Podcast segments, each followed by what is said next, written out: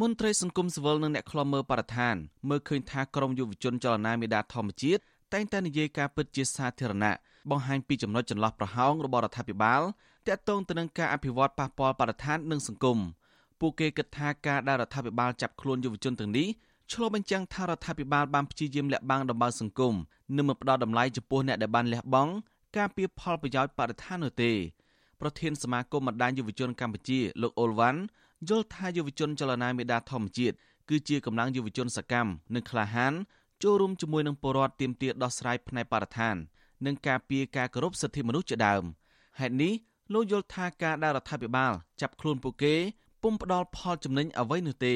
រដ្ឋាភិបាលគួរតែមានវិធីសាស្ត្រផ្សេងជាពិសេសផ្ដល់ការគ្រប់គ្រងមកដល់សកម្មជនបរិស្ថានក៏ដូចជាពលរដ្ឋសកម្មនឹងឲ្យបន្តចូលរួមជាមួយរដ្ឋាភិបាលនៅក្នុងការដោះស្រាយបញ្ហានានាជាពិសេសបញ្ហានៃការបំផ្លិចបំផ្លាញទុតិយធម្មជាតិដើម្បីឲ្យប្រទេសកម្ពុជានឹងទទួលបាននូវការអភិវឌ្ឍពិតប្រាកដហើយការអភិវឌ្ឍនោះទៀតសោះគឺផ្ដល់នូវផលប្រយោជន៍សម្រាប់ប្រជាពលរដ្ឋទាំងអស់គ្នាថ្មីថ្មីនេះអញ្ញាធរខេត្តកំពតទទួលស្គាល់ថាបញ្ហាខ្វះប្រព័ន្ធលូនិងអាងចម្រោះទឹកកខ្វក់ កំពុងក្លាយជាបញ្ហាប្រឈមចម្បងចំពោះបរិស្ថានទឹកសមុទ្រហើយអាជ្ញាធរជំនាញកំពុងដោះស្រាយរឿងនេះការលើកឡើងនេះក្រោយពេលដែលយុវជនចលនាមេដាធម្មជាតិបានផ្សាយវីដេអូ2នាទីបង្ហាញថាអាជ្ញាធរក្រុងកំពតមិនទាន់មានលទ្ធភាពចម្រោះទឹកស្អុយដែលជាហេតុនាំឲ្យទឹកលូឬក៏ទឹកកខ្វក់ហូរចូលព្រៃកំពតជាច្រើនឆ្នាំមកហើយសកម្មជនបរិស្ថានដែលជាកូនប្រុសលោកឈុតវិធីគឺលោកឆើយឧត្តមរស្មីមានមតិថាសកម្មភាពរបស់ក្រមយុវជនទាំងនេះ គឺដើម្បីបម្រើផលប្រយោជន៍ប្រទេសជាតិពុំគួរត្រូវបានចាប់ខ្លួនដាក់ពន្ធនាគារនោះទេលោកថាក្រមយុវជនទាំងនេះបានលះបង់ច្រើនដើម្បីបបផែបរិស្ថានរដ្ឋាភិបាលគួរតែលើកទឹកចិត្តនិងគ្រប់គ្រងដល់ពួកគេរដ្ឋាភិបាលគួរតែគ្រប់គ្រងនៅការលះបង់របស់ពួកគាត់ពីព្រោះពួកគាត់ធ្វើការនេះគឺស្ម័គ្រចិត្តមិនមានប្រាក់ខែមិនមានប្រាក់វិវត្តអីទេសំណុំពររដ្ឋាភិបាលមេត្តាគិតគូរដល់អ្នកដែលស្រឡាញ់ធនធានធម្មជាតិផងអ្នកទាំងអស់ហ្នឹងគឺមិនមែនជាមុខព្រួញគឺមិនមែនជាគូស្រូវរបស់រដ្ឋាភិបាលទេ អាស៊ីសេរីមិនទាន់អាចតាក់ទងអ្នកនាំពាក្យអង្គភាពរដ្ឋាភិបាលលោកផៃសិផាននិងអ្នកនាំពាក្យគណៈបកប្រជាជនកម្ពុជាលោកសុកអេសានបានទេ នៅថ្ងៃទី2ខែកុម្ភៈព្រោះទូរស័ព្ទហៅចូលច្រើនដងគ្មានអ្នកលើកសកម្មជនចលនាមេដាធម្មជាតិត្រូវបានអាជ្ញាធររបបក្រុងភ្នំពេញធ្វើទុកបុកម្នេញនិងចាប់ខ្លួនដាក់ពន្ធនាគារជាបន្តបន្ទាប់ដោយសារតែពួកគេបានចេញមុខតស៊ូមតិប្រឆាំងទៅនឹងការបំផ្លិចបំផ្លាញបរិស្ថានដោយក្រុមអ្នកមានលុយមានអំណាចករណីចុងក្រោយនេះ អញ្ញាធររបបក្រុងភ្នំពេញចាប់ខ្លួនសកម្មជនបរិស្ថានវ័យក្មេង3នាក់គឺលោកថនថាកញ្ញាលងកន្ធានិងកញ្ញាភួនកែវរស្មី កាលពីដើមខែកញ្ញាឆ្នាំ2020កន្លងទៅមកទល់ពេលនេះយុវជនទាំង3នាក់នេះនៅជាប់ពន្ធនាគារជាង5ខែមកហើយសំណុំរឿងនេះមានអ្នកជាប់ចោត2នាក់ផ្សេងទៀតដែលស្ថិតនៅក្រៅឃុំគឺស្ថាបនិកចលនាមេដាធម្មជាតិគឺលោក Alejandro Gonzalez Davidson និងយុវជនខ្មែរថាវរៈគឺកញ្ញាជាកុនធីន ដែលធ្លាប់បង្ហាញមុខក្នុងវីដេអូរបស់ក្រុមមេដាធម្មជាតិទាក់ទងទៅនឹងការលុបបង្កតមកតុលាការបានចាប់ប្រកាន់ពួកគេពីបទញុះញង់បង្កមានភាពវឹកវរធ្ងន់ធ្ងរដល់សន្តិសុខសង្គម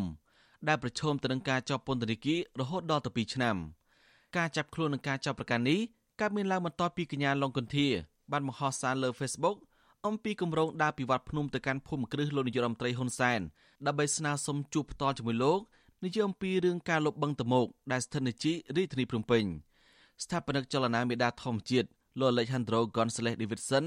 យល់ថាទង្វើរបស់រដ្ឋាភិបាលគឺជាការគំរាមដល់យុវជនផ្សេងផ្សេងទៀតមិនឲ្យនិយាយការពិតពីវិបត្តិបរិស្ថាន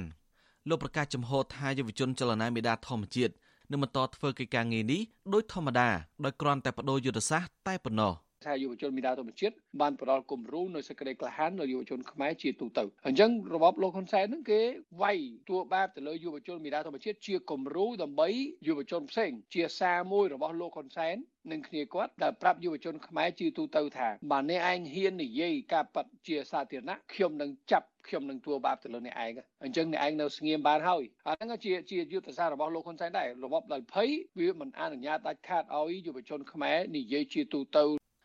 ក្រមសកម្មជនចលនាមេដាធម្មជាតិមានបេសកកម្មស៊ើបអង្កេតស្រាវជ្រាវដើម្បីផលិតវីដេអូលាតត្រដាងអំពីការបំផ្លាញបរិស្ថាន ការបូមខ្សាច់អំពើពុករលួយ និងការបង្ហូរទឹកកខ្វក់ចូលសមុទ្រការរក្សាទុកភ្លុកដំរីកុយរមៀឆ្អឹងខ្លា